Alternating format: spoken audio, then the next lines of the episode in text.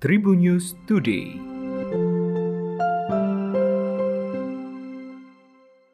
Halo Tribuners, berjumpa kembali bersama Memes. Memes akan berbagi informasi untuk kamu dimulai dari berita nasional.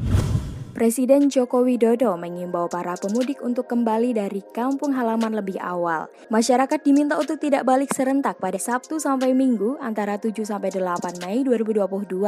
Hal tersebut untuk menghindari kemacetan saat arus balik. Pasalnya menurut Jokowi jumlah warga yang berangkat mudik lebaran 2022 ini sangat banyak.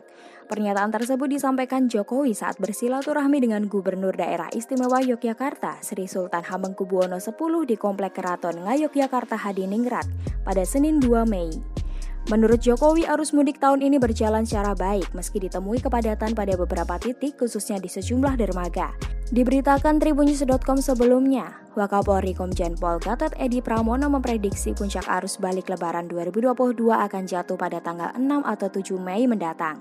Hal tersebut disampaikan Gatot dalam konferensi pers di rest area kilometer 57 Jalan Tol Jakarta Cikampek pada Minggu 1 Mei. Gatot menjelaskan pihaknya sudah mempersiapkan pengaturan lalu lintas saat arus balik lebaran. Rekayasa lalu lintas katanya akan segera diumumkan oleh Korlantas Polri terkait jenis penerapan one way, kontraflow maupun ganjil dan genap. Selanjutnya berita regional Tribuners. Ziko Andriani Zedan, remaja asal Demak, Jawa Tengah tewas bersimbah darah akibat luka tusukan di paha kaki. Korban ditusuk oleh seseorang di depan kios pulsa Jalan Kedung Munduraya, Tembalang, Kota Semarang pada Senin 2 Mei sekira pukul 5.30 waktu Indonesia Barat.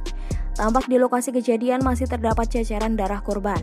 Usai kejadian penusukan dan dugaan pengeroyokan tersebut, korban memang sempat melarikan diri ke kamar kosnya di Jalan Karanggawang, RT 14 RW 14, Tandang Tembalang.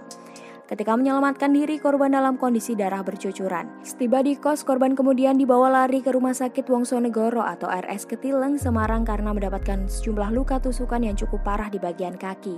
Korban dibawa ke rumah sakit mengendarai motor bonceng tiga. Nahasnya nyawa korban tak tertolong dalam perawatan medis. Selanjutnya berita selebriti Tribuners. Penyanyi Zinedine Zidane kembali menjadi sorotan. Kali ini bukan tentang video memparodikan penyanyi ataupun somasi, melainkan terkait Zidane yang dikabarkan mengalami kecelakaan hingga meninggal dunia. Dalam Instagram story akun @risol97, ia membagikan video singkat dengan sound pelengkap berjudul Andai Ku Tahu yang dinyanyikan oleh Ungu. Story tersebut juga menandai akun @zinedine_zidane underscore real. Zidane pun kemudian memposting ulang story tersebut. Tak tinggal diam, manajer pribadi Zidane, Liong memberikan klarifikasi melalui Instagram story di akun 16.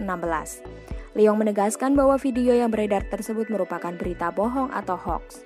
Pihak Zidane pun tak ingin tinggal diam dengan beredarnya kabar fitnah tersebut.